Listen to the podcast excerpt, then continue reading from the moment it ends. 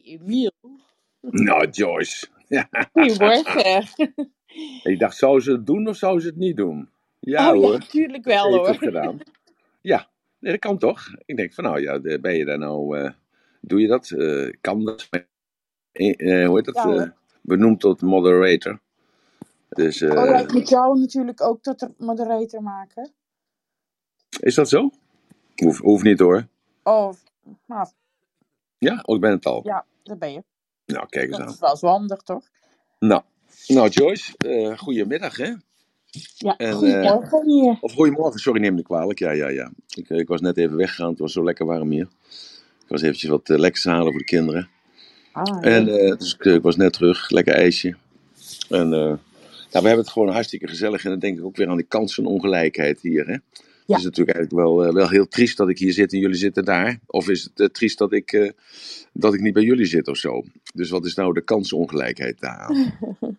Hè? Nou, de kansongelijkheid, ja, ik, het was iets wat ik eigenlijk tegenkwam in de bladen, zo begin dit jaar, zeg maar. Iedereen heeft het steeds over een, een toenemende kloof tussen arm en rijk, terwijl Ja. we eigenlijk, zeker in Nederland, hebben we toch wel eh, het voor elkaar. Hè? We, we werken Ja. in de politiek vanuit eh, een poldermodel. We, we, we, we komen er altijd uit hè? Door, door, door de dialoog aan te gaan.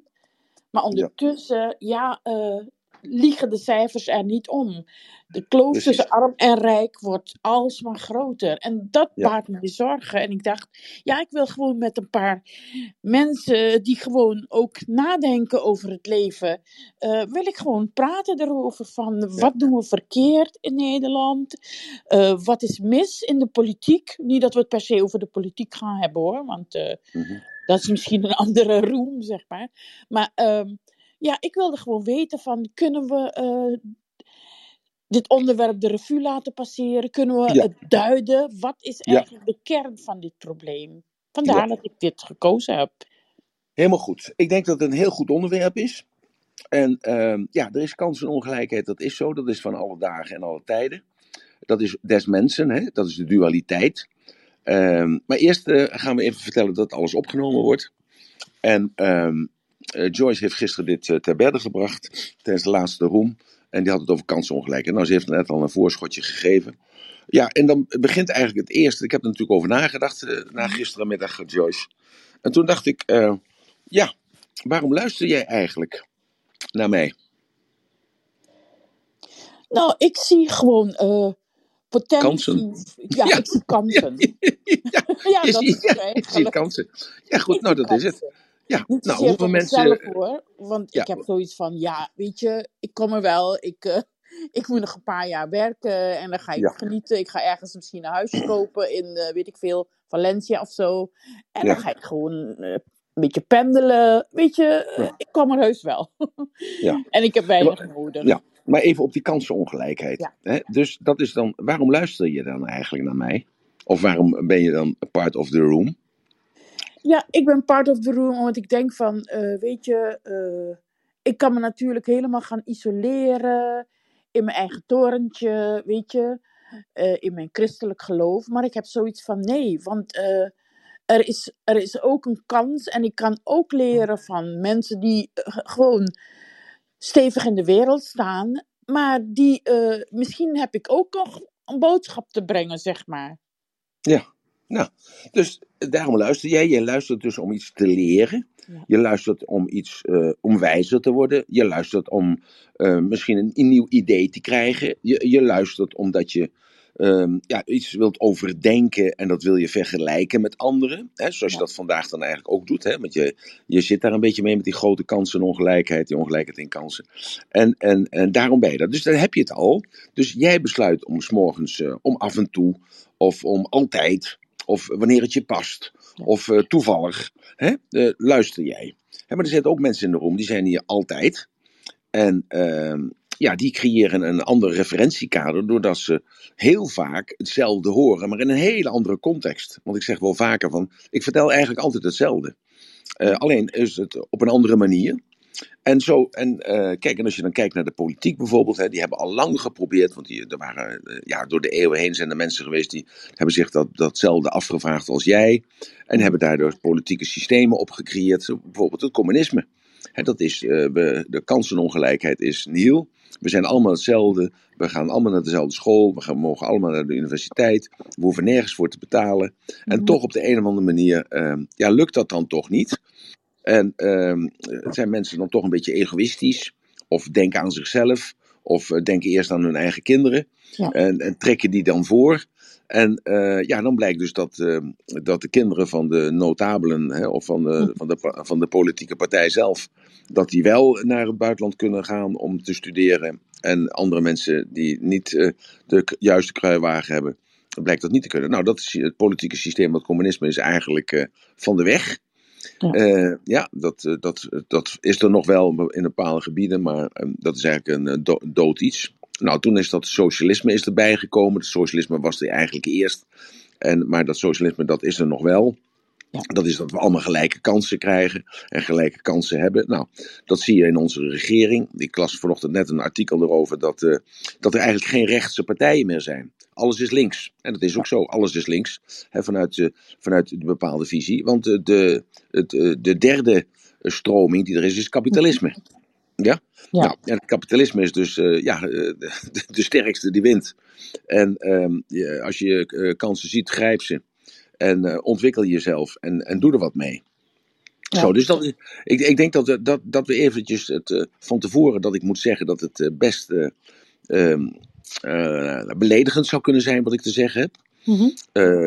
Omdat ik geen consensus in deze zaak wil nastreven. Omdat ik denk dat juist door de consensus de zwakkere gesterkt wordt in zijn zwak zijn. Mhm. En in de consensus de, de, de sterkere eh, ja, toch wel zijn ding doet. Eh, want het, die vindt het wel best, die past zich aan en die ziet daar weer kansen in om, dat, om aan die consensus te ontsnappen. Maar misschien dat ik daar straks even nog wat voorbeelden over mag geven. Ja, maar Dus ik, ik- eh, ja. ja, ik, ik ben het met je eens. Inderdaad, er is een bepaalde ontwikkeling gaande binnen de politiek. Iedereen is eigenlijk, nou laten we zeggen, rechts van het midden hoor. Het is nog, er zijn nog best wel, eh, want ook links en rechts komen naar elkaar toe. Hè. Ze ontmoeten elkaar in het midden.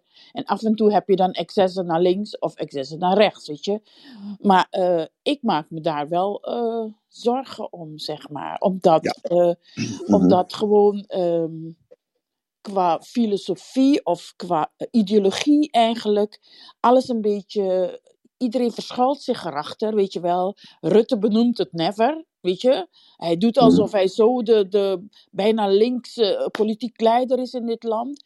Terwijl, eh, laten we elkaar eh, ook niet voor de gek houden, weet je. Hij is gewoon slim. Hij is Ja, gewoon slim. Hij, slim. hij zet die, die de jongen er neer en als het fout gaat, is de jong de, de klos. Ja. En niet hij. Hij is de leider. Hè? En, Ja. de onder, gaat, en het gaat eigenlijk ook niet onder zijn verantwoordelijkheid. Dus zoveel leider is hij dan natuurlijk ook weer niet. Nee. Dus, eh, maar hij is gewoon slim en hij heeft gewoon bepaalde doelstellingen. En die doelstelling is gewoon een, een vijfde kabinet te hebben. Nou, dat heeft hij weer gelijk gekregen. die geeft, eh, Zeker, zeker. mevrouw Kaag eh, krijgt het voordeel van de twijfel. Die wordt vicepremier. Ja, en die heeft maar één doelstelling. En dat is de eerste vrouwelijke premier te worden van, van, van Nederland. Ja. Zo, zo, dus ja, maar moet je dat dan negatief bekijken of moet je dat positief bekijken? Ik, ik denk dat je dat positief moet bekijken. En eh, daarom heb ik er goed over nagedacht. Ik dacht bij mezelf, ja, laat ik eerst nou eens kijken naar die pijlers van de identiteit. Hè? Dus dat zijn mentale processen, fysieke processen, spirituele processen, carrièreprocessen, de financiële processen, de relationele processen en de sociale processen. En ik, ik heb eigenlijk een, een aantal dingen over me erbij gedacht en gedacht van, ja, waar zit nou die ongelijkheid in? En, en waar zit nou de kans in? Waar zit nou de kans en waar zit de ongelijkheid in? Mhm. En, eh, en wat is nou eh, de ongelijkheid? Is dat negatief of positief? Eh, en waarom is het voor de een is het positief en waarom is het negatief voor de ander? En ehm, ik moest eigenlijk, toen jij dat verteld had gisteren, Mhm. gevraagd had, sla ik de, de een of andere bladzij open, of een, een, programma, en wie zie ik daar? Sidney Poitier, 95 jaar, overleden. En ik dacht bij mezelf, tja, dat vond ik altijd zo'n fantastische, mooie man. To En dat vond Serve ik with altijd Love. Oh mijn Ja. god, het was zo'n Ja, lievelingsfilm. Oké, nou dat weet ik niet eens, maar ik, ik vond het zo'n imponerende vent, weet je wel. En eh, dus ik lees zijn necrologie. en eh, lees ik dus dat die, ehm, de vader en moeder waren tomatentelers op de Bahama's. En die, uh, ja, die hadden het heel slecht op een zeker moment. Maar goed, ze leefden, ze, ze leefden in jute zakken. Dus de, de zakken waar de tomaten in uh, vervoerd werden, dat was ook hun kleding. en op de een of andere manier, uh, zij was zwanger. En ja, ze konden de brood niet meer verdienen in, op de Bahama's. Dus ze zijn eventjes vertrokken voor een paar maanden naar Amerika. En daar is die Sydney is daar geboren. Dus in Amerika is het zo, als je kindje daar geboren wordt, dan krijgt hij ook dus de Amerikaanse ehm, nationaliteit. Geweldig. Dus ja, dus, ja, eigenlijk. Maar hij werd te vroeg geboren, twee maanden te vroeg. Dus eigenlijk uh, was dat niet goed. Maar het, het goede eraan was dat hij dat, uh, dat paspoort kreeg. Uh, nou, ze zijn weer teruggegaan naar de Bahama's. hij is daar opgegroeid. En toen hij een jaartje of 12, 13 was, ja, toen, toen zag hij het daar niet meer zitten. Of ze hadden niet meer te eten, of ja, hoe het ook is. in ieder geval, die jongen is opgegroeid in, in bittere armoe. En toen is hij naar de overkant gegaan, is in San Francisco, Los Angeles terechtgekomen. Ja, hij kon natuurlijk niks. Zijn opleiding was natuurlijk laag. Uh, ja, hij was negen, dus dat was toen de tijd helemaal. In die tijden was natuurlijk helemaal een foute zaak. En, uh, ja, en, hij is afwasser geworden en hij is loopjongen geworden. En heeft uh, allemaal baantjes gedaan die, die eigenlijk een normaal mens niet wil hebben. Hij is uiteindelijk naar New York toe gegaan. Uh, daar is hij, ja, is hij ook weer onderaan de ladder begonnen. Heeft zich omhoog gevochten. En ja, op een zeker moment is hij op een uh, theaterschool gegaan. Het was een, uh, ik, de Black Community Theater of zo was het. En uh, nou, daar is, heeft hij wat lessen genomen. En toen was het geluk was met hem. Een hoofdrolspeler, ook een man, een beetje zijn postuur. Die was ziek en hij moest die hoofdrol vervullen. Nou, en zo is hij ontdekt. Zo, dus ja, de hoezo ongelijkheid? Nou, hij leefde daar dus alleen maar in ongelijkheid, toch? Als je die kleur had tussen dus uh, een kleine 70 jaar geleden. Ja, je, je, en, het is nog steeds zo. Uh, dat nou, het, dat, is niet meer zo. Nee, ja, nee, nee. Niet zo dat, heftig dat, meer, laten we zeggen. Ja, uh, ja, Er zijn wel kansen genoeg. Je, als je ze wil pakken, lukt het zeker. Maar nou, het is niet zo dat het helemaal uh, weg Nou, kijk, kijk naar Denzel, Denzel Washington of kijk naar Obama, kijk naar uh, die Oprah Winfrey. En zo kan ik er nog wel duizend opnoemen. Dus uh, het, het, het is niet zo erg als dat je het nou even voorstelt. He, zo, maar even, ik, ik wil daar zo direct op terugkomen. Hè? Ik wil erop terugkomen. Dus het kan best kwetsend zijn wat ik zeg. Okay. En, uh, want ik hou niet van consensus. Dat, uh, ja, ja, je kent me ver genoeg, uh, genoeg om dat te weten dat ik niet van consensus hou. Omdat ik dat vaak vind van, dan krijgt iedereen zijn zin, een beetje. Maar iedereen krijgt ook een beetje niet zijn zin. En uh, dat zorgt er ook voor dat je dus door dat beetje niet je zin krijgt, of misschien wel heel veel niet je zin krijgen, maar uh, ja, uh, de kool nog de geit wordt gespaard, dat je je daar niet in kunt vinden. Zo, dus eigenlijk ga ik dan even terug, want ik heb er goed over nagedacht. Hè? Ik heb goed over nagedacht over de, deze kansenongelijkheid omdat het, de aandacht wordt elke keer gericht op het verschil. De verschillen worden groter verschil tussen inkomen wordt groter. Verschil tussen kinderen die opgroeien in een, gebroken gezin of in een gelijk gezin uh, worden steeds groter qua afkomst, hè, qua milieu. Uh, de verschillen worden steeds groter uh, tussen mannen en vrouwen. De verschillen worden steeds groter tussen de genders. De verschillen worden steeds groter tussen de leeftijden. Nou, kortom. Zo, maar als je het een beetje tunnelt, dus je shrunk it down, dus dat je het uh, kunt abstraheren, zodat je het een, een, ook iets kunt geven. Dan, en je blijft dus vast aan die, aan die zeven pijlers, hè?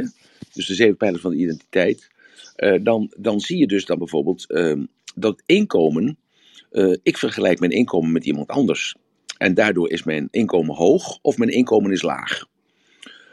Dat doe jij denk ik ook, Joyce. Uh, je hebt een bepaalde baan en die baan bevalt jou wel of die baan bevalt jou niet. Uh, je hebt uh, hoog onderwijs genoten of laag onderwijs genoten. Nou, hoog hoor. Gelukkig, anders kwam je er niet in dit land. Ja, nee, goed. Ja, maar ik heb alleen maar een lagere school. Dus ik heb uh, verhoudingsgewijs laag onderwijs gehad. Zo, maar ik geef even aan, ik, heb een, aantal dingetjes opgeschreven voor mezelf. Hè, en dat je bijvoorbeeld, uh, bijvoorbeeld onderwijs. Hè, dus iedereen mag vandaag de dag elke school bezoeken die hij wil.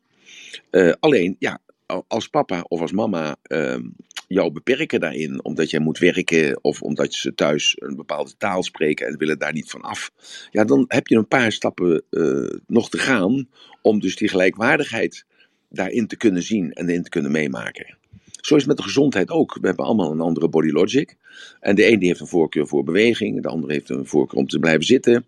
De ene heeft een voorkeur om uh, intellectueel bezig te zijn, de andere heeft een, heeft een voorkeur om spiritueel bezig te zijn. Uh, zo is geestelijke gezondheid en lichamelijke gezondheid. Ja, wie is uh, lichamelijk gezond en wie is minder gezond? Zo, dat is ook al een stukje ongelijkheid. Nou, dan heb je religies. Maar dat is trouwens bepaalde... ook een, een, voorrecht eigenlijk, hè? Dat heeft ook nou te maken met de kansen die je krijgt vanaf, vanaf het ja, begin. Maar ja, ik, geef, ik wil alleen even aangeven dat uh, die ongelijkheid die er dus dan is, uh, wordt die dan altijd gecreëerd door jezelf? Of kun je de schuld, en ook krijgen we dus eigenlijk, loop ik voorop, vooruit op iets wat ik uh, wil bespreken. Want een ander artikel wat ik gelezen heb gisteren, hè, waar ik me eigenlijk heel kwaad over gemaakt heb eigenlijk. En toen dacht ik, nee Raadlaband, je moet je niet kwaad maken, want het is helemaal fantastisch dat je dit dus nu leest. Ik heb daar commentaar op gegeven en de krant heeft geweigerd om dat commentaar te plaatsen. Maar ik zal jullie dat zo vertellen. Aan het eind van de rit, denk ik. Of misschien halverwege. Zo. Dus die, uh, die gezondheid, dat wordt je gegeven. Uh, tenminste, de constitutie wordt je gegeven. Maar de gezondheid, dus de conditie, dat bepaal je in hoge mate zelf. Zo, dus, maar dan moet je dus wel kunnen lezen. Of je moet wel mensen om je heen hebben die het voorbeeld geven. Maar je hebt ook karakters, die mensen krijgen het goede voorbeeld. Papa drinkt niet, uh, papa rookt niet, papa en mama doen sporten. En als, uh, ja, en als tegenwicht doet de zoon juist wel roken en wel sporten en gebruikt drugs en sport niet. En doet alles wat God verboden heeft, omdat zijn vader en moeder hem juist hebben laten zien hoe goed dat is. En hij zal wel bewijzen dat het anders is. Zo, dus met andere woorden, er zit een stukje ook eigen verantwoordelijkheid in. Nou, als je kijkt naar religies, naar, de regels van een religie, ja, die zijn dus in, de, in het omveld, dus, het, dus in ons kapitalistisch systeem, eh, zijn die vaak uh, ja, beperkend. Laten we even kijken naar de islam. Mensen mogen geen geld lenen van de bank. Nou, het stond van de week ook in de krant dat de banken daar nu eigenlijk ook eens een keer aan moesten denken. Om geld uh, niet te lenen aan mensen van een islamitisch geloof, maar dat ze dat mochten delen met die mensen. Nou, daar moet natuurlijk over nagedacht worden. Nou, en als daar behoefte toe bestaat, ja, dan, dan komt dat vanzelf wel. Maar goed, je kunt je voorstellen dat als je die regel hebt en je bent gelovig en je weigert om, om geld te lenen om een huis te kopen omdat het niet mag, omdat het in de Koran staat, ja, dan uh, creëer je zelf ongelijkheid. Want uh, je blijft gehuurd zitten. En uh, je had de visie dat als je iets koopt, dat het in waarde toeneemt. En je ziet dus tot je versteltenis dat de afgelopen vijf jaar of zes jaar, geloof ik, de, de onroerend goed met 50% gestegen is. Dus had jij dat vijf jaar geleden nog maar gedaan. Maar ja, je moest zo nodig luisteren naar de Koran. Dus je hebt het niet gedaan, want je kon het geld niet lenen. Zo, dus ik geef even aan dat die ongelijkheid in, op alle vlakken zitten. He, kom je uit, uit gescheiden ouders voort of kom je uit. Uh, of op uit, uh, van heel veel mensen, dus natuurlijk uh, mij, ik geloof dat iets van 7000 berichtjes stonden op Facebook. Ik heb ze niet gelezen hoor, ik hoorde van iemand anders. waarvan er vier positief waren en 9996 waren negatief. over het feit dat ik besloten had dat ik nog een kind wilde. Na Betteke nou nog een kind wilde. En iedereen had daar een mening over. Nou, dat mag. Dus ik vind het best, het stoort me helemaal niet. Maar dat is dus dan met de vooringenomenheid dat ik uh, ouder ben en dat ik over tien jaar uh, wel dood zal zijn. Misschien wensen ze dat dan wel, maar ik zal ervoor zorgen dat het niet gebeurt. En dat daardoor dus twee kinderen op straat kwamen te staan. Nou, uh, en dat ze op moesten groeien zonder vader. Nou, dus ook dat heeft iedereen een mening over. En ja, ik ben een andere mening toegedaan. Want ik zorg er gewoon voor dat die ongelijkheid die mensen suggereren dat die is. Nou, leeftijd. Ja, goed, ik, jij bent natuurlijk een jonge bloem vergeleken bij mij. Hè? En ik ben een oude zak vergeleken. Nee, nee, maar je bent zo, zo, zo oud als je voelt. En wat dat betreft vind ik dat ook juist heel positief van jou. Dat jij, uh, ja, dat jij er gewoon voor gaat. Weet je, je kijkt niet. Leeftijd is maar een getal, zeggen ze tegenwoordig. Ja. Nee, maar dus ik wil die ongelijkheid. Je laat je niet beperken door die ja, maar, uh, ja, ongelijkheid. Ja, maar, ik wil maar ik wil laten zien dat iedereen die niet luistert, uh, de, de, gaat nadenken en denkt van, ja, dat is zo. Je doet altijd alles in de macht der vergelijking. Hè? Uh, er is net een vrouwtje binnengekomen, zie ik in de room. En die mevrouw die heel, had een heel goed restaurant in, uh, in, in, uh, in een provincieplaats, mag ik wel zo zeggen. Hè? En dat deed ze hartstikke goed, samen met haar man. En, uh, ja, en die is op een zeker moment uh, toch uh, eruit gegaan en die is in een ander restaurant begonnen. Nou, die heeft een kans gezien. Eh, nou, als je, als je kijkt naar, naar grootte bijvoorbeeld. eh, nou, eh, eh, je vergelijkt iemand, je bent groot of je bent klein. Dus, dus ik geef aan het geslacht, eh, de opleiding, het milieu, het, het slapen waar we het over gehad hebben. Heel veel mensen denken van, ja, maar dat is niet eerlijk. Eenmaal die slaapt maar, eh, maar drie, vier uur per nacht. En ik heb negen uur slaap nodig. Dat is dus vijf uur. Heb ik nooit over nagedacht. Gisteren zei hij van, ja, zeven keer vijf is 35 uur. Dus hij heeft 35 uur meer te besteden. Tjoh, dat is toch, heel, dat is toch niet eerlijk? Nou, en daar komen we nou op de kern van de zaak. Hè, dus door die ongelijkheid eh, kunnen we dus zien eh, van, eh, ja, waarom luisteren jullie nou? Of waarom luister jij nou naar mij? Jij luistert om beter te worden. Dus je grijpt die kans. Ja. Absoluut. Nu komt het volgende. Wat doe je ermee? Zo, en dat, dat is nou belangrijk. Wat doe je ermee? Wat doe je ermee als je hoort dat ik vier uur slaap per nacht? Wat doe je ermee als ik eh, zeg van ik neem nog een kindje? Wat doe jij ermee als ik het heb over de zeven pijlers van de identiteit? Wat doe je daarmee als ik het zeg, je kunt je tijd zo en zo indelen? Ja. En dan, dan, dan kun je ook weer een aantal dingen doen. Je kunt het aannemen als zijnde waar voor Emiel en niet waar voor mij. Je kunt het eh, gaan overdenken en eh, vergelijken met jezelf. En denken bij jezelf, ja, dat is oneerlijk. Of eh, ja, dat is eigenlijk, eh, hoe zou ik dat kunnen leren van hem? Hè, zo, dus het is of oneerlijk, of het is iets waar ik wat zou kunnen leren. Of verwerp je het meteen? Hij zegt, ah, dat is te ver van mijn bedshow. Of zou het van alles een beetje zijn? Nou, ik denk dat de gemiddelde toehoorder van alles een beetje neemt, denk ik. Nou, en dan komen we even op het volgende punt. We leven natuurlijk in een competitieve maatschappij. Ja? Dus eh, dat, wat, houdt dat in? Dat de focus ligt vaak, of eigenlijk bijna altijd, op uiterlijke zaken. En die uiterlijke zaken, dat is dus een auto en een huis. En eh, een mooie partner en een aantal kinderen en een, eh, een bepaald inkomen. Eh, en, daar staren mensen zich blind op. Maar die, eh, dat, die uiterlijke zaken, die zijn enkel en alleen maar om innerlijke behoeftes te realiseren. Want men wil rijk zijn, of wil succesvol zijn, of men wil een groot huis hebben, of men wil eh, een, een, een huis vol kinderen hebben, of men wil gewoon naar de kerk gaan. Maar dat zijn uiterlijke zaken waardoor iemand anders die ander benoemt. Hè? Dus je neemt iets waar. En dan komt er iets van, van ja, hij wel, of zij wel. Eh, Hij kan dat wel, eh, zij kan dat niet. Nou, ik, ik heb die kans nooit gehad. Ik heb die kans nooit gehad. Ja, je hebt die kans wel gehad, alleen heb je hem niet gezien, omdat je focus lag op de andere kant. Want, namelijk belangrijk is, en dat doseer ik eigenlijk, dat is namelijk dit. Het concept modelleren. Hoe vaak hebben we het daar niet over gehad, Joyce? Inderdaad. Zo, dus en hoe komt dat modelleren? Dat is namelijk de winnaar, en, dat, en ik noem me gewoon de winnaar, hè? De winnaar die vergelijkt zich met de beste en die leert daarvan. Maar de loser, die vergelijkt zich met de beste en die zet zich hier tegenaf. Dat is een- elementair verschil. Dat is een elementair verschil. Dus de winnaar, dus in zichzelf de winnaar is, die vergelijkt zich met de beste en die leert hiervan. Maar de loser, dus dat is een attitude, hè? dat is een, een attitude. Die vergelijkt zich met de beste en zet zich hier tegenaf. Dat is elementair. Dat is elementair. Dus het modelleren heeft ons laten zien, dus het kopiëren wat we van nature doen, want daarom lopen wij, daarom praten wij, daarom eten we met zijn vork, of we eten met stokjes, of we eten alleen met de lepel. Ja? Zo doen we dus alles, alles datgene wat onze omgeving ons aangeeft, dat pakken we wel of dat pakken we niet. Maar als dus de winnaar in iemand zit, en Joyce, in jou zit de winnaar, want ik heb jou heel goed gadegeslagen in april vorig jaar in Ede. En ik heb heel goed gehoord wat jij gezegd hebt daar. En ik heb jou Mhm. een, al een aantal keren complimenten gemaakt dat ik van jou heel veel leer. Want voor mij ben jij een winnaar. Oh, het Ja. is wederzijds hoor, eh Emil. Echt. Wat zeg je? Het is wederzijds, echt wel. Het is Ja, oké, goed. Nou, is dat, niet mooi, is dat niet mooi dat we dat van elkaar kunnen zeggen? Ja, dus, dus een win-win situatie. Een win-win situatie. Ja? Jij komt om wat te halen, eventjes zeg maar. Hè? En, en, even, hè? en terwijl ondertussen breng jij. Nou, van geven word je rijker dan van halen hoor. Maar ondertussen doe je het wel, George. Ja, maar goed, even, Mhm.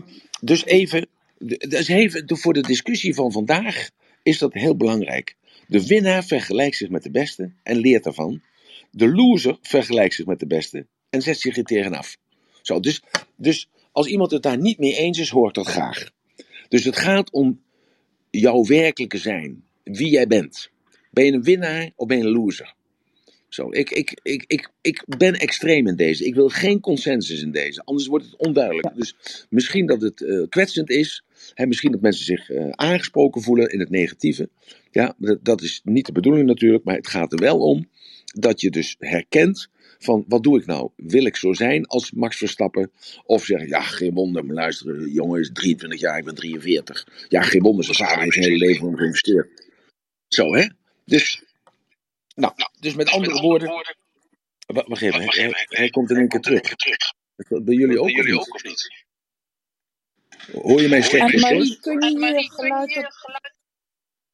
Ja. Wat zeg je? Ja, het lag even aan Annemarie er uh, geluid, dacht ik. Maar okay, het is nu okay, verholpen. Oké, okay, goed. Oké. Nou, dus uh, als iemand het hier niet mee eens is, dat het gaat om een innerlijk kompas. Dus het gaat om het werkelijke zijn wie jij bent. En dat is die body logic waar ik het altijd over heb. En wat velen van jullie ook gevolgd hebben. Of dat boek hebben gekregen, of het, boek, uh, of het seminar hebben gevolgd. Zo. Dus dat, dat zit in jou. Goedemorgen allemaal. Annemarie, uh, als ik wat zeg, dan gaat het nu bij. Oké. Annemarie, ja, goedemorgen. Ja. Goedemorgen. Hallo Emiel, hallo ja, George. hallo, hallo. Uh, ja, ik vind dat innerlijke kompas, dat, dat is ontzettend belangrijk. Als je dat uh, goed volgt en ja, dan, dan, ja, het is ook wat jij ook zegt, je bent meester over jezelf. En dat heeft te maken met je innerlijke kompas.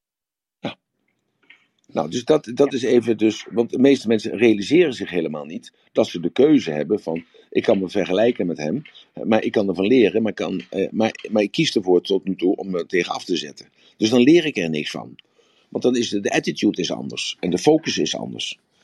Ik hoop dat ik, dat ik duidelijk daarin ben. Nou, dus en wat komt er dan? En dat is dus, uh, ja, uh, mensen die dus, uh, die dat niet kunnen, die, die dat positieve niet kunnen, om van die, van die winnaar te leren, die, die met zichzelf. En dat is, die krijgen zelfmedelijden. En dat zelfmedelijden is ook een typische karaktertrek voor losers. Want hij, hij uh, wentelt zich eigenlijk in zijn tekortkomingen. En hij creëert zo een mensbeeld waar toch, waar, waarin hij toch een functie heeft. En hij, dus in die functie is hij toch de winnaar. Ik herhaal dit nog even. Ik haal dit. Want het is misschien een beetje moeilijk. Of misschien verwerpelijk. Of misschien discutabel. Dus de loser heeft zelfmedelijden. Want hij heeft niet datgene wat die ander de beste heeft. Hij wentelt zich in zijn eigen tekortkoming. En creëert zo een mensbeeld waarin hij toch een functie heeft. Want hij heeft een functie, hij, hij heeft medelijden met zichzelf. Hij, hij klaagt, hij, hij steunt, hij, hij, hij, hij zet zich af. Met andere woorden, in dat negatieve mens, mensbeeld van zelfmedelijden is hij toch een winnaar. Hij heeft een functie, hij doet iets, hij kan zich manifesteren als zijnde zo. Dus hij gaat met een omweg, probeert hij toch dat gevoel te krijgen dat hij juist bezig is. En dat hij toch een winnaar is. En dat hij toch een kans gekregen heeft. Alleen het is een negatief, negatieve associatie. Is dit duidelijk voor iedereen?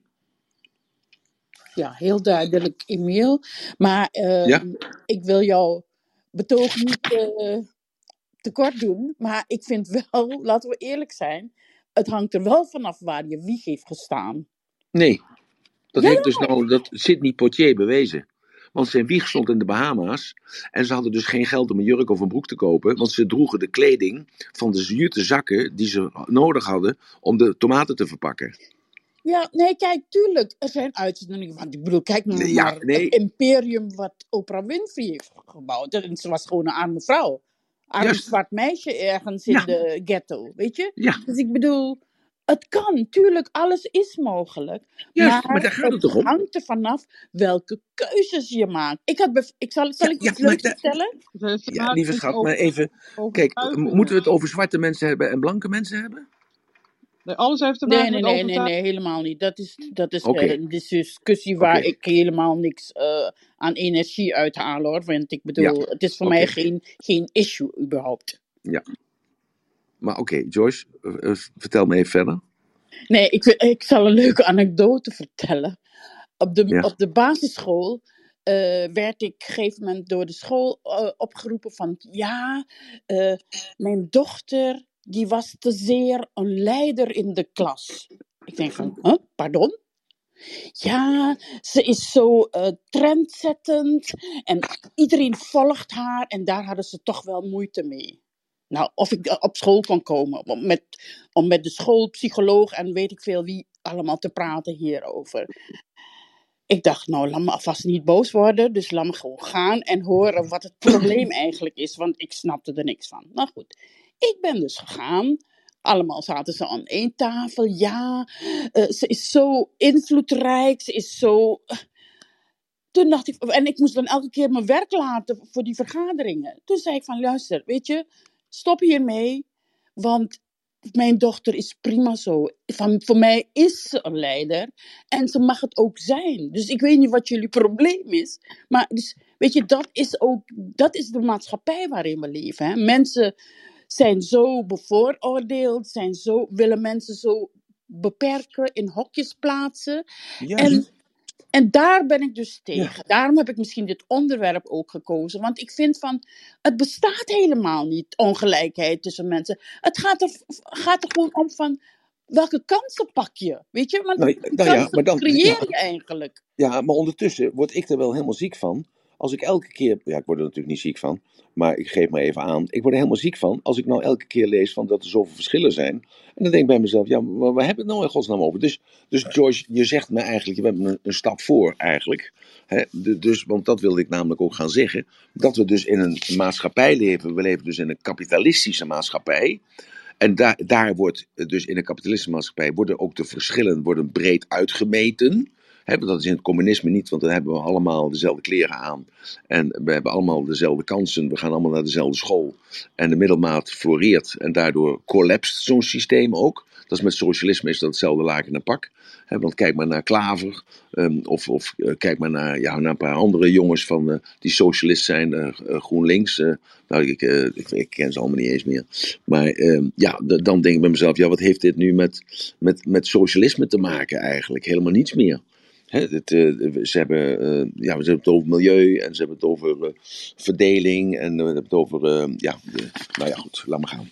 La- laten, we het, we het daar maar niet over hebben. Dat, dat, dat, dat is helemaal niet gezond. Maar het, het gaat erom dus dat wij, dat wij samen het al eens zijn dat er dus wel gelijkheid is. Maar dat een bepaalde groepen, die creëren die ongelijkheid. eh, om dus, en daarom heb ik dat net gezegd, dus dat die, die loser, die creëert dus die met, vanuit, dat, vanuit zijn zelfmedelijden, of haar zelfmedelijden, eh, en, en wentelt zich in die tekortkoming. En dat is eigenlijk een beetje een, wat er momenteel aan de gang is, dat heel veel mensen van, eh, die zich zogenaamd geen kans hebben gehad, dat ze die zich een, zelf een kans creëren door een politieke partij op te richten, zich verzetten tegen allerlei zaken.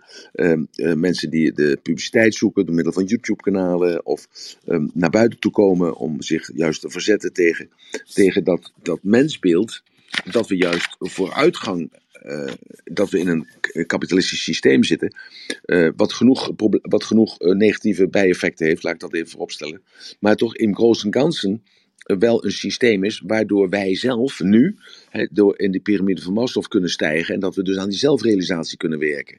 Want die zelfrealisatie kunnen wij werken, we kunnen en-en doen. En in arme landen is het eh, nog steeds eh, moeilijk om aan die zelfrealisatie te werken, omdat men eigenlijk alleen maar bezig is om te overleven. Nou, en, eh, en, en zo kwam ik dus eigenlijk gisteren, eh, want ik lees, ik zet dan als het ware een bril op. Hè? Dus als, als iemand zegt, van, nou ik wil het eh, morgen hebben over modelleren, of ik wil het morgen hebben over eh, financiële onafhankelijkheid, of hoe, ga je, hoe kun je je uiten, hè? Hoe, hoe gaat dat nou, hoe, doet je, hoe doe je dat nou eigenlijk? En zo, dan zet ik die bril op en dan kijk ik gewoon naar de dagelijkse dingen die voorbij komen. En zo las ik gisteren in de Gelderlanden, las ik een verhaal, dat er dus nu een... een organisatie heeft zich opgeworpen dat eh, Arnhem in 1785, dus dat is 200 en volgens mij een kleine 240 jaar geleden, rijk geworden is van de slavenhandel. En door de VOC en de uitbuiting van de koloniën. En, eh, en als je dat zo zou willen zien, dan, eh, ja, dan krijgt de blanke nazaat en de, naam en de toenaam stonden er nog bij, ook nog voor mensen die nog wonen in Arnhem, die krijgen daar een heel slecht gevoel van. Want ehm, zij zijn dus schuldig eh, aan misdaden die begaan zijn 240 jaar door hun familieleden. En ehm, ja, dat, eh, ik, ik, ik kan daar niks mee, want ik ben niet verantwoordelijk voor wat mijn over, over, overgrootvader gedaan heeft. Ondertussen draag ik nog wel zijn naam. Ik woon ook nog in dat huis. Ja, niet ik persoonlijk hoor, maar ik ken toevallig een paar mensen. En uh, die durven eigenlijk niet meer uh, buiten te komen. En nu wordt er 150.000 euro vrijgemaakt op de, ehm, op, de, op de begroting van de Arnhemse gemeenteraad. Om deze mensen een onderzoek te laten doen over ehm, ja, over die slavenhandel en hoe Arnhem zich verrijkt heeft 240 jaar geleden uh, aan, die, uh, aan die misdaad. Maar we vergeten gewoon dat het 240 jaar geleden is. En dat is even weer dat wijzen met dat vingertje. Je kunt dus denken bij jezelf, of vinden bij jezelf. Dus het is schandalig dat het 240 jaar geleden gebeurd is. Die mensen zijn nooit gestraft en we zullen ze alsnog vandaag de dag een slecht gevoel geven. Je kunt er ook naar kijken en denken bij jezelf van, ja, het is misschien wel, wel zo geweest dat dat niet de schoonheidsprijs verdient. Maar daardoor zijn we wel daar gekomen waar we nu zijn. Amen. En dat is natuurlijk ja, een hele... dat is het, inderdaad. Ben ik helemaal met je eens. We Zo, dus niet even, ja, Oh, ja, mag even, ja, ja, maar even hè. Dus eh, er is een ontwikkeling in de tijd. En eh, als je kijkt hoe die keten van oorzaak en gevolg heeft geleid tot onze maatschappij, dan leer je van het nu. En dat is de essentie van de zaak. Ja, dus als je het een plaats geeft en dat niet een verwerkingsplaats, een verwerkingsplaats van emotioneel kan ik er nog steeds niet meer over weg dat 240 jaar geleden mijn voorouders door jouw voorouders zijn vermoord enzovoort enzovoort. Ja, heb jij gewoon een psychisch probleem. En dan moet je mij niet mee belasten, want jij hebt een psychisch probleem en jij moet naar de psychiater toe daarvoor. Ik ben daar heel, heel, heel sterk in gewoon. En ehm, zo, want je moet er positief naar kijken. Natuurlijk kun je zeggen, menselijke wijze gewoon, eh, als ik die films zie of ik die boeken lees, dan denk ik op mezelf, hoe hebben ze dat in godsnaam uit kunnen vinden? Maar dat is een fase geweest in de evolutie. En je moet kijken naar waar heeft het toe geleid. En dat is deze maatschappij waar wij nu in zitten, waar ook genoeg op aan te merken is, laat ik dat even opstellen, waar genoeg op aan te merken is. Maar vandaag over 50 jaar, als we dan terugkijken met z'n allen, dan zeggen we ook van, eh, nou dat hele corona-verhaal, dat we ingeënt moesten worden, wat een kolder. En eh, dat we eh, anderhalve meter afstand moesten houden, wat een kolder. En dat mondkapje op, wat een kolder. Het was gewoon een, eh, het was gewoon een plannetje van een aantal bedweters die ons gewoon voor de wilden spannen. Of ja, weet wat voor verklaring er ook vandaag over vijf jaar wordt gegeven. En dan sla jij je nog voor je kop dat je je drie keer hebt laten vaccineren. Of je slaat je misschien voor je kop dat je je juist niet hebt laten vaccineren. Zo, dus ik, ik geef even aan dat er, doordat er weinig of geen werkelijk revolutionaire ontwikkelingen zijn, eh, besteedt de pers dus heel veel tijd en aandacht aan onbetekenende zaken. Eh, Gisteren was er nog een, eergisteren was er een discussie op eh, eh, NPO 1 over mijn eh, vaderschap. Eh, en dat ging dus over, eh, niet over een waardeoordeel of ik eh, dat nou wel of niet eh, waard was, maar het ging over het waardeoordeel of het de moeite waard was om daar perstijd en aandacht aan te geven. Nou, dat vond ik nou eens een keer een inhoudelijke goede discussie. Zo, dus even terug naar, eh, naar vroeger. Dus mensen die zich druk maken over wat 240 jaar geleden gebeurd is, laat zij zich druk maken over nu. Want ik maak me ook niet meer druk eh, dat eh 75 jaar geleden dat de Duitsers hier zijn geweest en allerlei vreselijke dingen hebben gedaan. Want eh, het heeft een plaats gekregen in onze maatschappij en het heeft een betekenis gekregen. En we zijn er met z'n allen uiteindelijk beter uitgekomen. Ondanks dat het natuurlijk vreselijk is dat de stad Rotterdam gebombardeerd is en dat je daar dan familieleden hebt verloren. Zo, dus het heeft te maken met focus, Joyce. dat is één. Het twee heeft het te maken met, eh, met een waardesysteem. Een waardesysteem. En dan kom ik even terug op die eh, zeven eh, pijlers van, eh, de, eh, van de identiteit. Ik zal ze nog even één keer noemen voor de mensen die, dat, die net ingekomen zijn. Je hebt de mentale pijler, de fysieke pijler, de spirituele pijler, de carrièrepijler, de financiële pijler, de relationele pijler en de sociale pijler. Nou, en dan praat ik even voor mijzelf. Ik heb gekozen voor mijzelf, eh, toen ik eh, uit het ziekenhuis kwam en ik nog twee jaar te leven had, toen ik 21 was, heb ik gekozen voor financiële onafhankelijkheid. Ik heb gekozen voor een carrière en ik heb gekozen voor, uh, ja, voor legacy. Daar heb ik voor gekozen toen op 21-jarige leeftijd. Dat is ten koste gegaan van mijn relatie.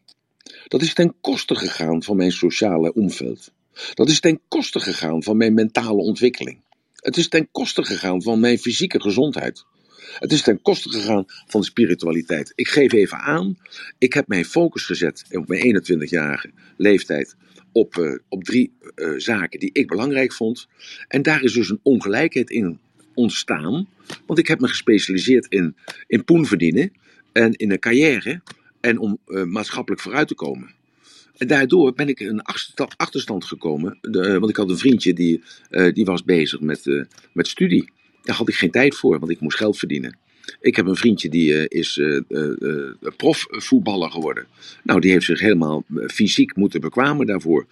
maar die heeft het zakelijke heeft hij vergeten. Ik heb iemand die, die komt ook in de documentaire voor, die is al 53 jaar getrouwd. Die was met Ans al samen toen wij vriendjes waren. En daar is hij mee getrouwd en is hij nog steeds gelukkig mee.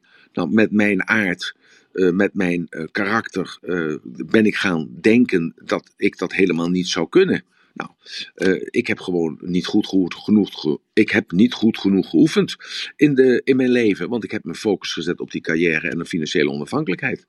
Ik heb niet veel vrienden, echte vrienden. Want mijn definitie voor echte vriend is dat je pas weet wat een echte vriend is als het uh, slecht gaat met je. Nou, ik heb mezelf eigenlijk altijd in een bepaalde situatie gemanoeuvreerd dat het niet slecht ging. Dus al mijn vrienden hebben nooit kunnen bewijzen dat het echte vrienden waren. Zo, dus even of die ongelijkheid, dus met andere woorden, uh, ik ben superieur in één of twee van deze pilaren. Uh, jij bent superieur in andere pilaren, of in dezelfde pilaren, Joyce, dat weet ik niet. Ja? Uh, maar daar is een ongelijkheid in.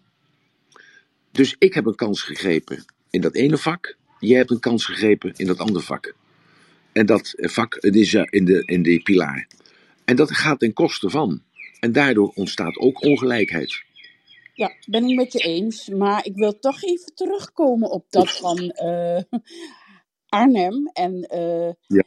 Omdat ik daar ook, um, ik heb daar ook een bepaalde kijk op, hè, een bepaalde visie. Want kijk, uh, het is niet erg dat er op een gegeven moment uh, mensen in die samenleving opstaan die vinden van ja, maar wat toen 200 zoveel jaar terug is gebeurd, kan echt niet. Maar soms, het gaat om je historisch besef. Kijk, omdat het niet in de geschiedenisboeken uh, goed uh, verwoord staat, nu pas wordt Anton de Kom de, de strijder voor gelijkheid hè? Mm -hmm. in de wereld voor de strijden voor arme mensen. Hij heeft ook in Nederland een bepaalde rol gespeeld in ja. het socialisme. Hij was heel politi politiek heel actief, Anton de Kom. Hij is uiteindelijk ja. ook in een, een concentratiekamp in Duitsland overleden. Ja, ja. Want wat veel mensen niet weten is dat niet alleen Joden werden ehm, opgehaald, maar ook zwarte mensen. Snap je? Zwarte mensen en ook homo's. zigeuners. En, ja, en zigeuners, ja. En Dus- vrijmetselaren. Ja, ook.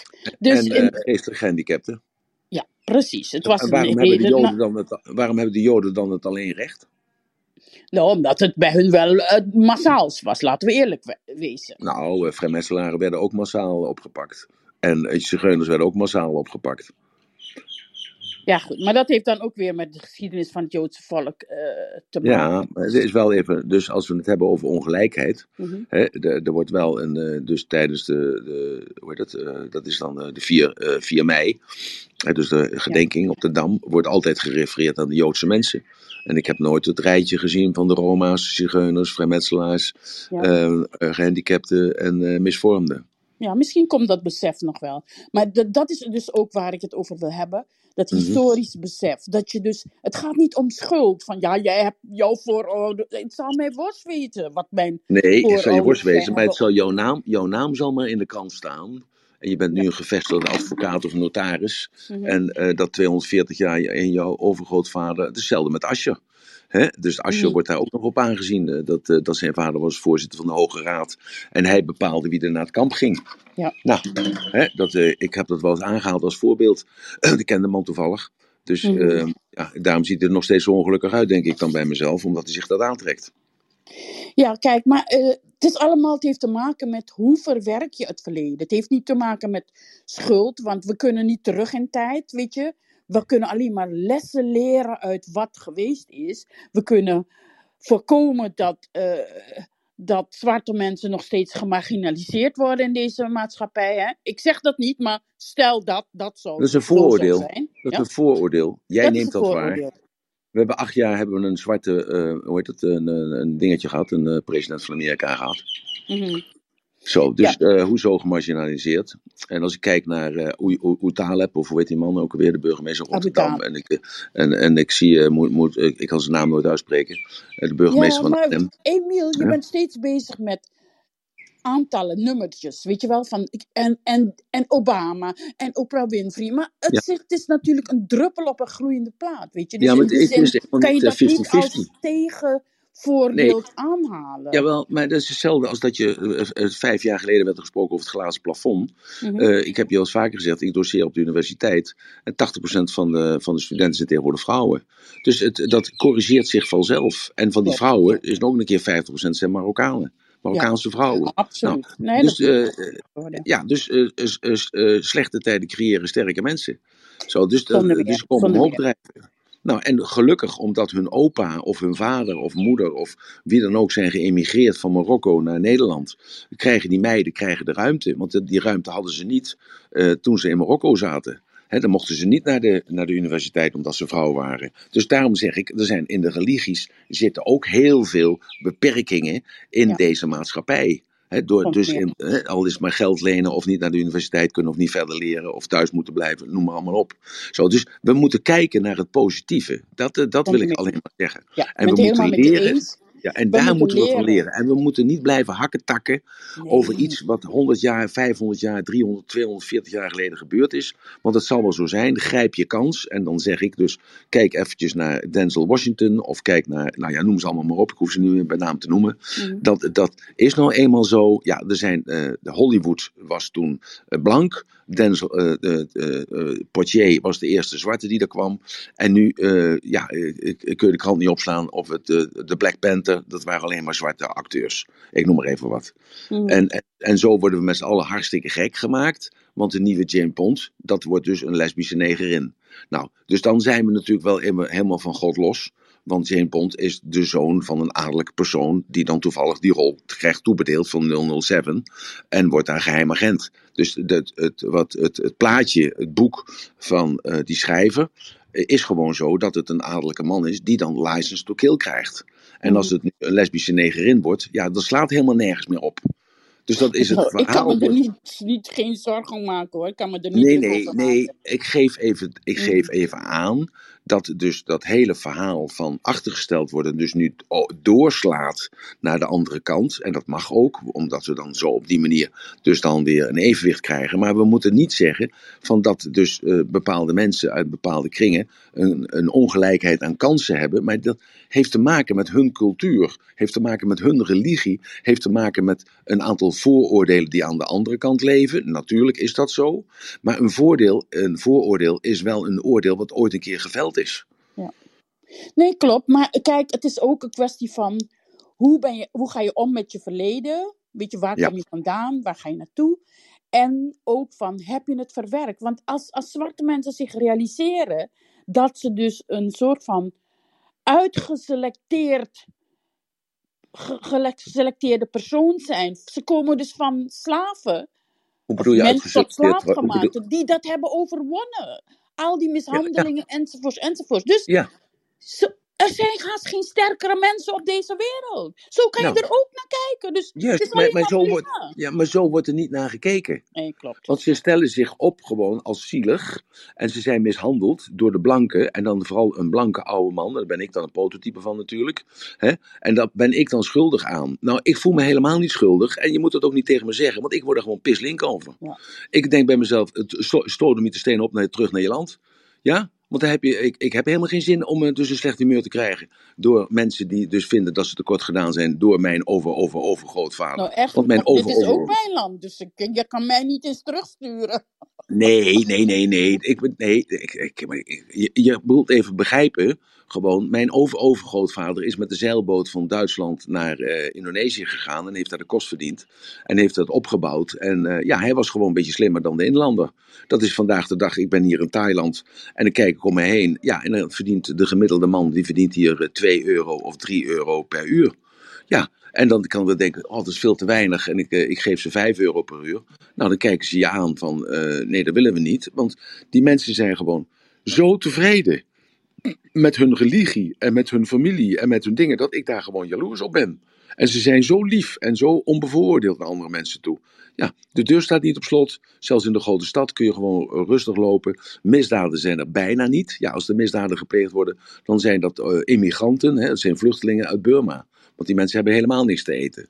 Zo. Dus ik geef even aan, ik, ik wil gewoon dat verwijt niet horen. Dat mijn overgrootvader fout is geweest daarin. Want het zal wel zo zijn. Maar misschien was de, de overgrootvader van degene die mij dan met de vinger nawijst. Was misschien wel een hele grote moordenaar in eh, een of andere stam in Nigeria of in Ghana. Of weet ik veel wat in Zwart-Afrika.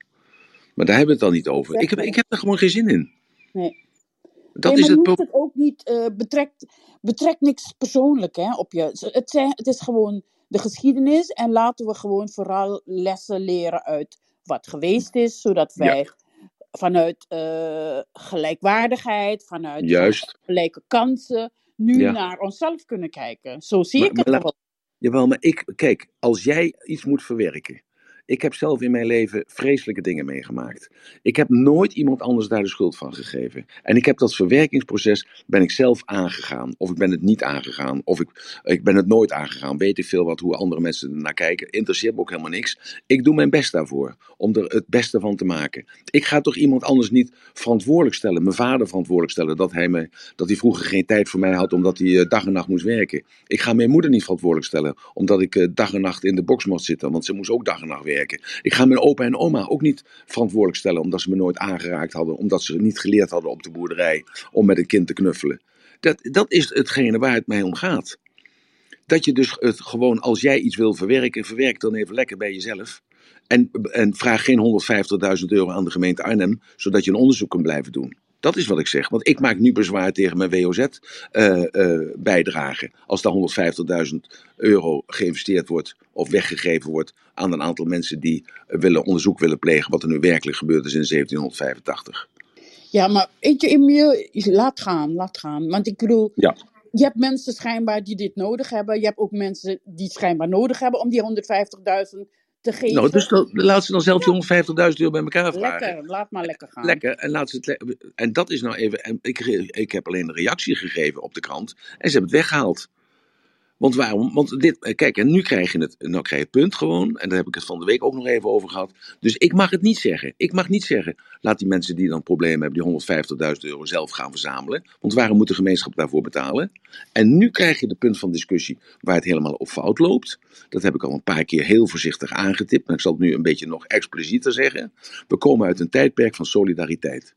En die solidariteit kun je, alleen maar, eh, kun je alleen maar voortbrengen als er identificatie is. Als je kunt herkennen in de ander die dus die, die hulp nodig heeft. Dan ben je bereid om eh, driekwart van je salaris aan belasting te geven. Dan ben je bereid om 25% eh, btw af te dragen. Dan ben je bereid om, om in te leveren, om in een kleiner huis te gaan zitten en dergelijke. Alleen, als ik nu op straat loop ja, en ik kijk om me heen, dan zijn er weinig mensen weer mee waar ik me mee kan identificeren.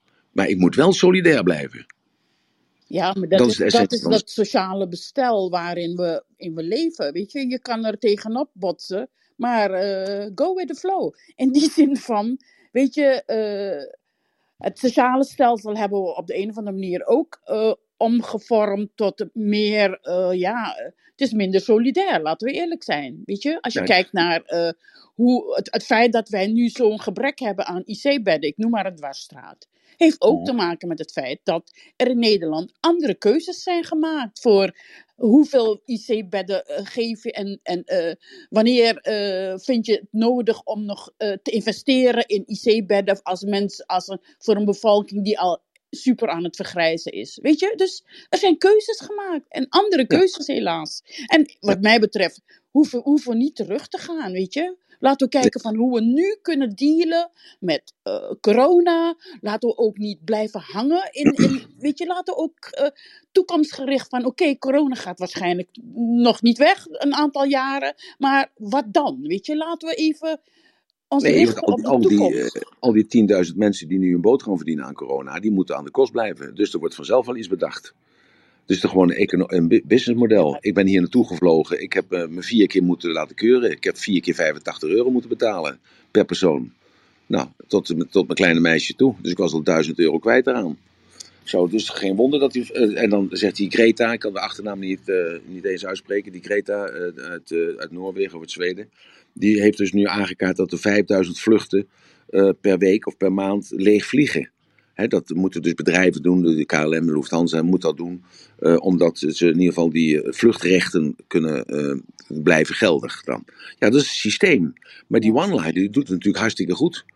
Maar het is het systeem. Dus het systeem moet veranderen. Daar, heb, daar zijn we het allemaal over eens. Het systeem moet veranderen. Want dat rammelt natuurlijk aan alle kanten. En of het nou gaat over gas uit de bodem in, in Groningen. Want uiteindelijk als je het uitkleedt, is het zo dat zij klagen nu over, eh, hebben dat dan ook meegemaakt, dat er aardbevingen zijn. Nou, wetenschappelijk is nog steeds niet aangetoond of het nou wel of niet eh, uit het gas komt. Nou, ik neem aan dat dat wel voortkomt, omdat je er zoveel gas uithaalt dat er dus dan enige verschuivingen plaatsvinden onder de grond. Zo. Maar dat is de solidariteit. Want Brabant die geniet dus van de rijkdom van Groningen. En Groningen die, die krijgt evenredig hetzelfde bedrag ervoor eh, als provincie als, eh, als Twente of als Noord-Holland.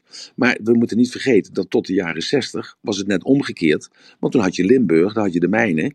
En die mensen werkten zich helemaal hartstikke dood voor de kolen. Zodat ze in Groningen en Friesland, eh, want toen was er nog geen gas gevonden, eh, zich hartstikke doodwerkten daar in Leeuwarden. Of eh, zich doodwerkten in, in het zuiden van Limburg. Zodat de mensen in Friesland en Groningen daar kooltjes hadden waardoor ze hun huis mee warm konden maken. Dat is ook solidariteit. Je moet ook wat over hebben. Dus met andere woorden, nu moeten we duur gas importeren. Terwijl we het gas zelfs nog onder de, onder de grond hebben zitten.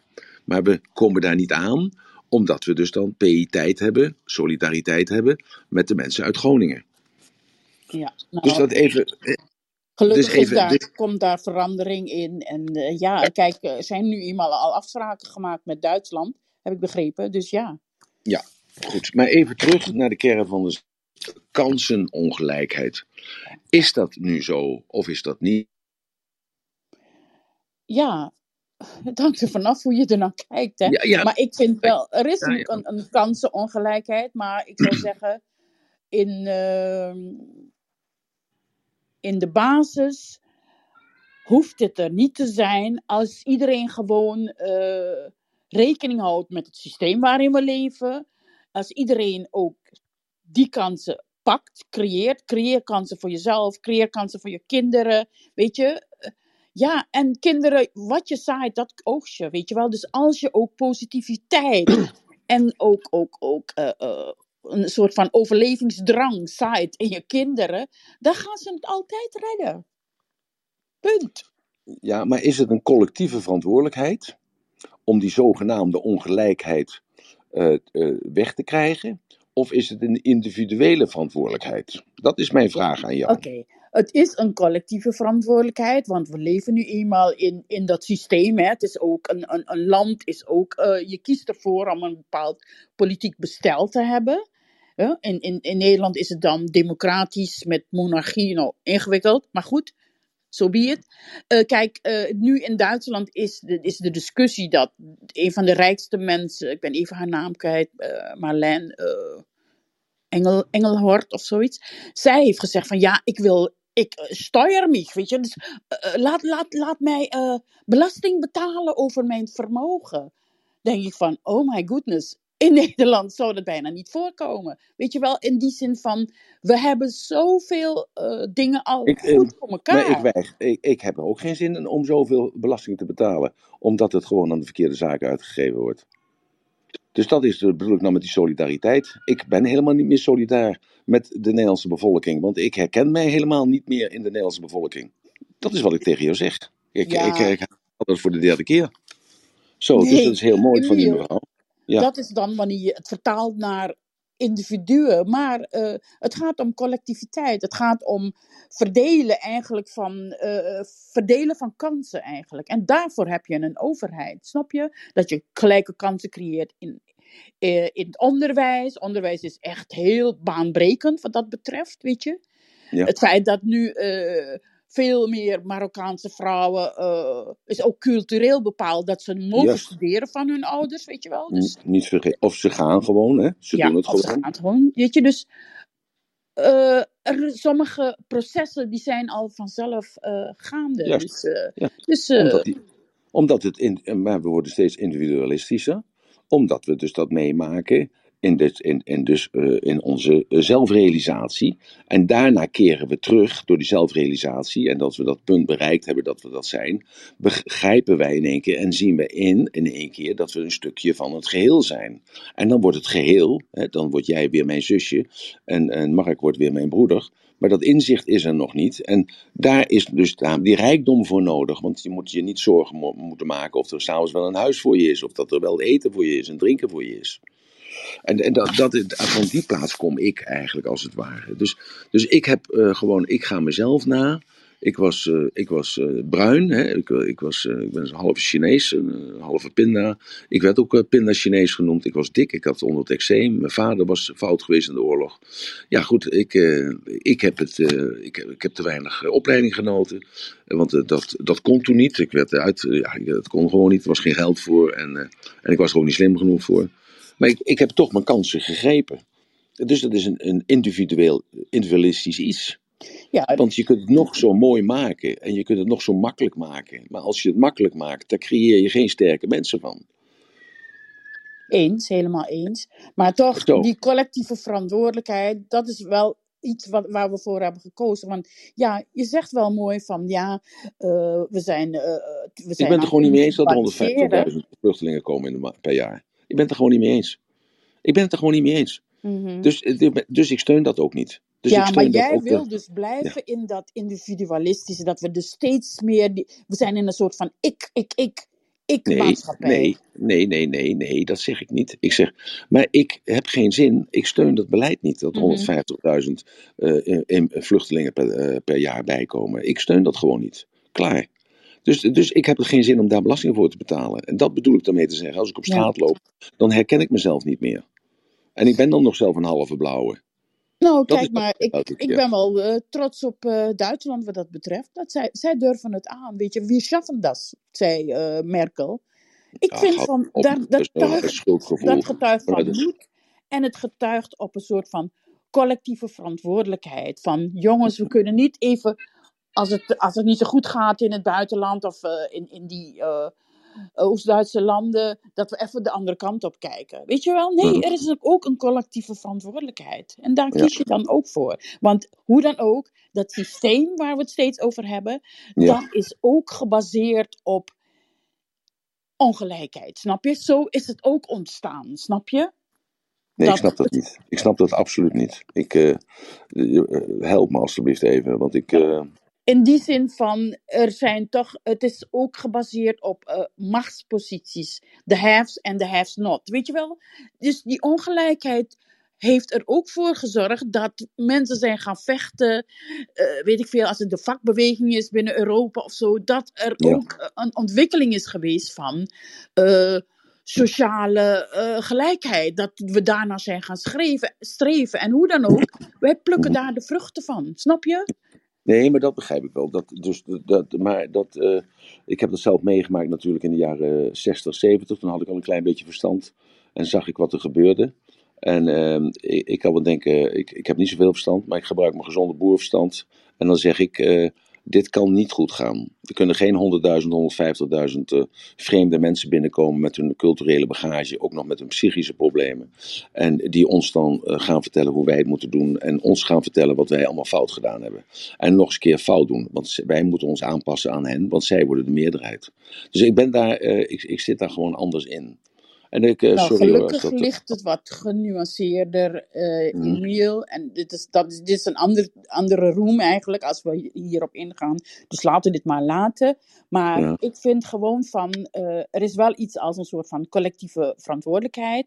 En ja. ik vind wat dat betreft dat Nederland het nog zo gek niet doet, weet je? Nee. Tuurlijk, Nee. je kan over alles kan je vallen en je kan overal kritiek op hebben. En, uh, en schelden op Rutte en weet ik veel, Kaag en Kaag is vrouw. Niet. En, uh, Ja, nee, maar dat en doe ik vind niet. van, Dat joh, doe ik niet. geef, geef die vrouw een kans, weet je? Ze is Ja. misschien geen econoom en misschien niet zo briljant als een Hoekstra. Maar uh, ik zie wel potentie erin. Het feit dat een vrouw nu uh, vicepresident wordt. Ja, go for it. Helemaal Ja. eens. Nou, ik denk dat je moet kijken naar de kwaliteiten en niet naar de seksen en niet naar de kleur. En niet naar eh, de lengte of, de, eh, of eh, corpulent ja of nee. Je moet kijken naar van wie, is, wie moet die baan doen. En ik denk dat jij dat in jouw bedrijf ook doet. Hè, of je doet het met de dokter of met de tandarts. Hè, als jij pijn hebt in je gebit, dan ga je niet naar de logopedist toe, dan ga je naar de tandarts. En als je een probleem hebt met lopen of je pijn in je rug, dan ga je naar de chiropracticus toe. Dus daar zoek je ook een specialist voor. En eh, ik denk dat als je dan als eenvoudige boerenlul, noem ik mezelf dan maar even, dan begrijp ik eh, politiek gezien wel waarom er bepaalde eh, poppetjes op bepaalde plaatsen neergezet worden. Dat begrijp ik Mhm. politiek wel.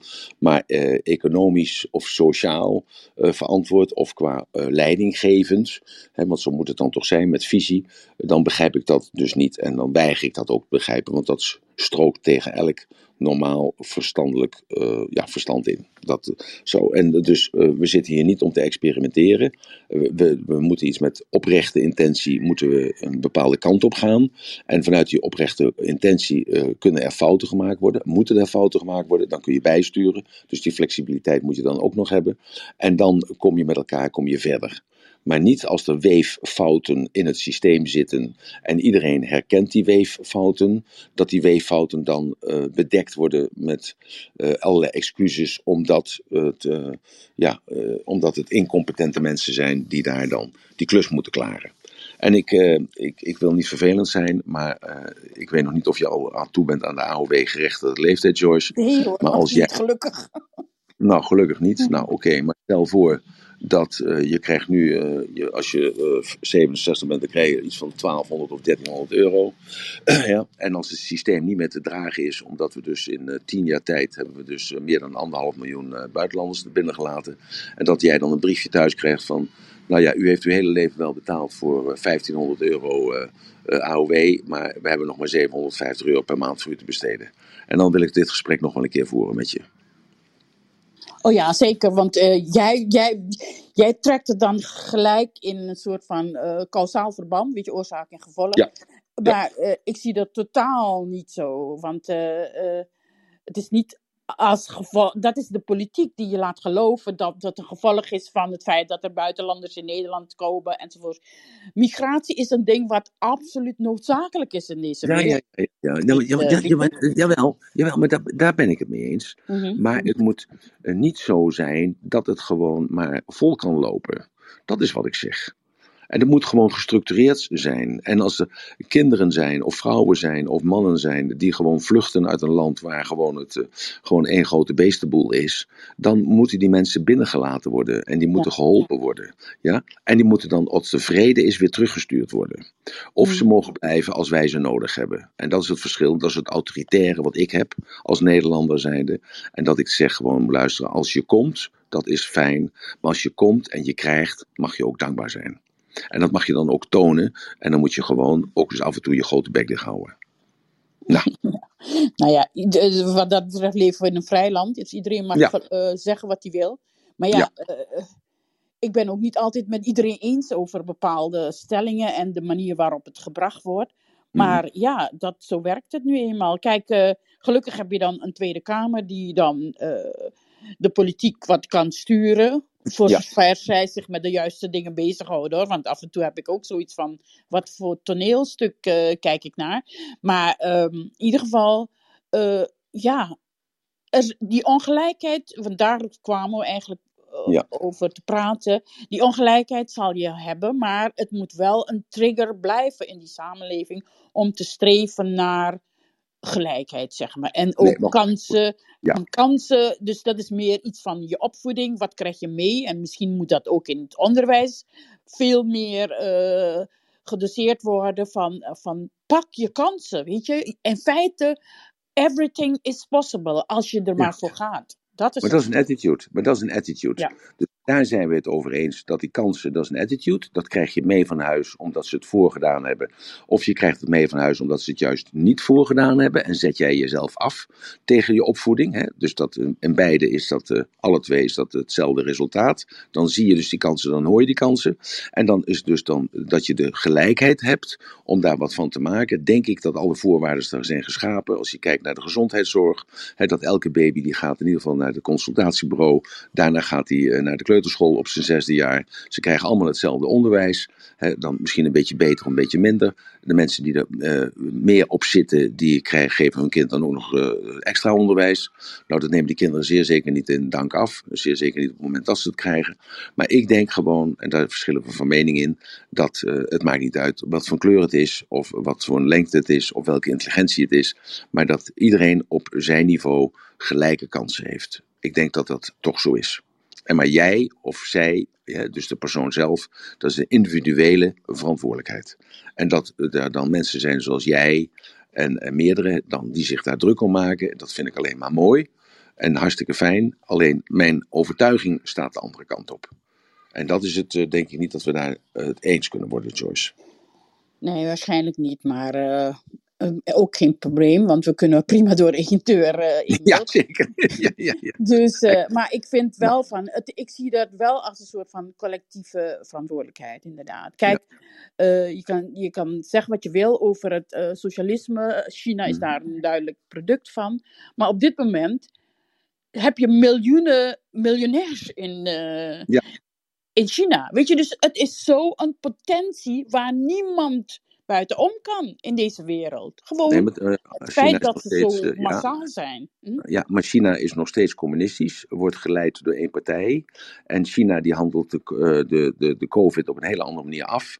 Hè, daar is het gewoon verplicht om ge- ingespoten te worden. Is er in het wijk is er één iemand die positief is, dan wordt het hele wijk wordt afgesloten. En daar gaat het wel even een beetje anders toe als dat we hier dat in ons tolerante landje doen. Ja, dat, Dus ik weet niet of we eh, daarvoor moeten kiezen. Hier pamperen we alle mensen die niet, zich niet willen laten vaccineren. Nou, Ja. prima hoor, maar eh, laten we vooral zelf onze keuzes maken. Goed. Nou, we, zijn het op heel veel punten eens en andere punten zijn het niet eens, maar we hoeven het ook niet eens te zijn. We kunnen picobello door één, samen door één deur, Joyce. Dat is heel mooi gezegd. En zo is het ook. Ja, dan is het een. eh, ja, dan wil ik jullie danken voor jullie aanwezigheid. Zijn er nog mensen die nog iets aan willen vullen, of iets toe willen voelen, of mij willen verbeteren, of mij willen bekritiseren? Ehm, nee. Hebben jullie allemaal de, de Facebook en LinkedIn gelezen? Allemaal de op- en aanmerkingen die er zijn gekomen op mijn handelen met opzichte van een, eh, nog een zwangere vrouw die eh, een kindje draagt voor mij? Nee, ook niet. Nee, nou, Ik heb dat nog niet gelezen, maar ik ga daar zeker nu achteraan. Nou, Ik ben wel benieuwd. Nou, ik lees het niet, want eh, ik heb gehoord dat er, eh, dat er duizenden, duizenden opmerkingen kwamen en allemaal negatief. Maar het is allemaal goed, ik vind het allemaal goed. Oh nee, Ik leef mijn tijd niet eraan verdoen. Nee, ik zou het ook niet doen. Ik leef mijn eigen leven en ik ben verantwoordelijkheid, maar ik ben verantwoordelijk maar voor één persoon en dat is de persoon die me aankijkt in de spiegel. Ik eh, vond een hele leuke, fijne, eh goede en leerzame room. Dankjewel George voor het initiatief. Morgen gaan we het hebben over je uiten. Dat is een initiatief van eh, Annemarie, als ik het goed onthouden heb. Daar gaan we het morgen over hebben. Eh, hoe, eh, hoe moet je je uiten? Hoe kun je je uiten? Mag je je uiten? Mag je nog wel datgene zeggen wat je, wat je wilt zeggen? Of hou je meer en steeds meer rekening met gevoelens van andere mensen die zich aangesproken voelen of die zich tekort gedaan voelen? Ik denk dat dat toch wel een goede, intro is voor morgen. Eh, want ik denk dat er heel veel mensen zijn die graag iets willen zeggen, maar dat niet meer durven te zeggen. En ik ben daar dan eigenlijk wel het bewijs van dat ik eh, een berichtje ingestuurd heb in de Gelderlander. En dat is niet geplaatst, omdat men dat niet een, uh, hoe zei men dat ook alweer in het woord, dat was geen algemene opmerking. Het was geen algemene opmerking die ik geplaatst had. En dus daarom ook niet geplaatst werd in het openbaar. Nou, het ratelbandje voor vandaag is. Ja, is er iemand die wat wilde zeggen? Nee? Niemand? Even kijken, moet ik even naar beneden gaan? Nee, er is niemand die wat wil zeggen. ja, het, uh, het, het ratelbandje voor vandaag, dat is wel een hele goede na deze heftige discussie, George. Uh, kijk eens naar wat er niet klopt, wat je ziet, en denk daarbij eens aan wat jij ervan zou kunnen leren. Dus denk eens, kijk eens om je heen. En kijk eens, hè, dus specifiek kijken. Kijk om je heen wat niet klopt. En denk daarbij eens gelijk eens na wat jij ervan zou kunnen leren. Dus met andere woorden, uh, wat gebeurt er? Iemand rijdt door het rode licht. Wat kan jij daarvan leren? Dat hoort niet, het uh, passend is, het is niet normaal. Maar wat kun jij daarvan leren? Je ziet de politiek. Je denkt bij jezelf van ja, maar luisteren, dat is toch niet helemaal correct. Maar wat kunnen wij daarvan leren?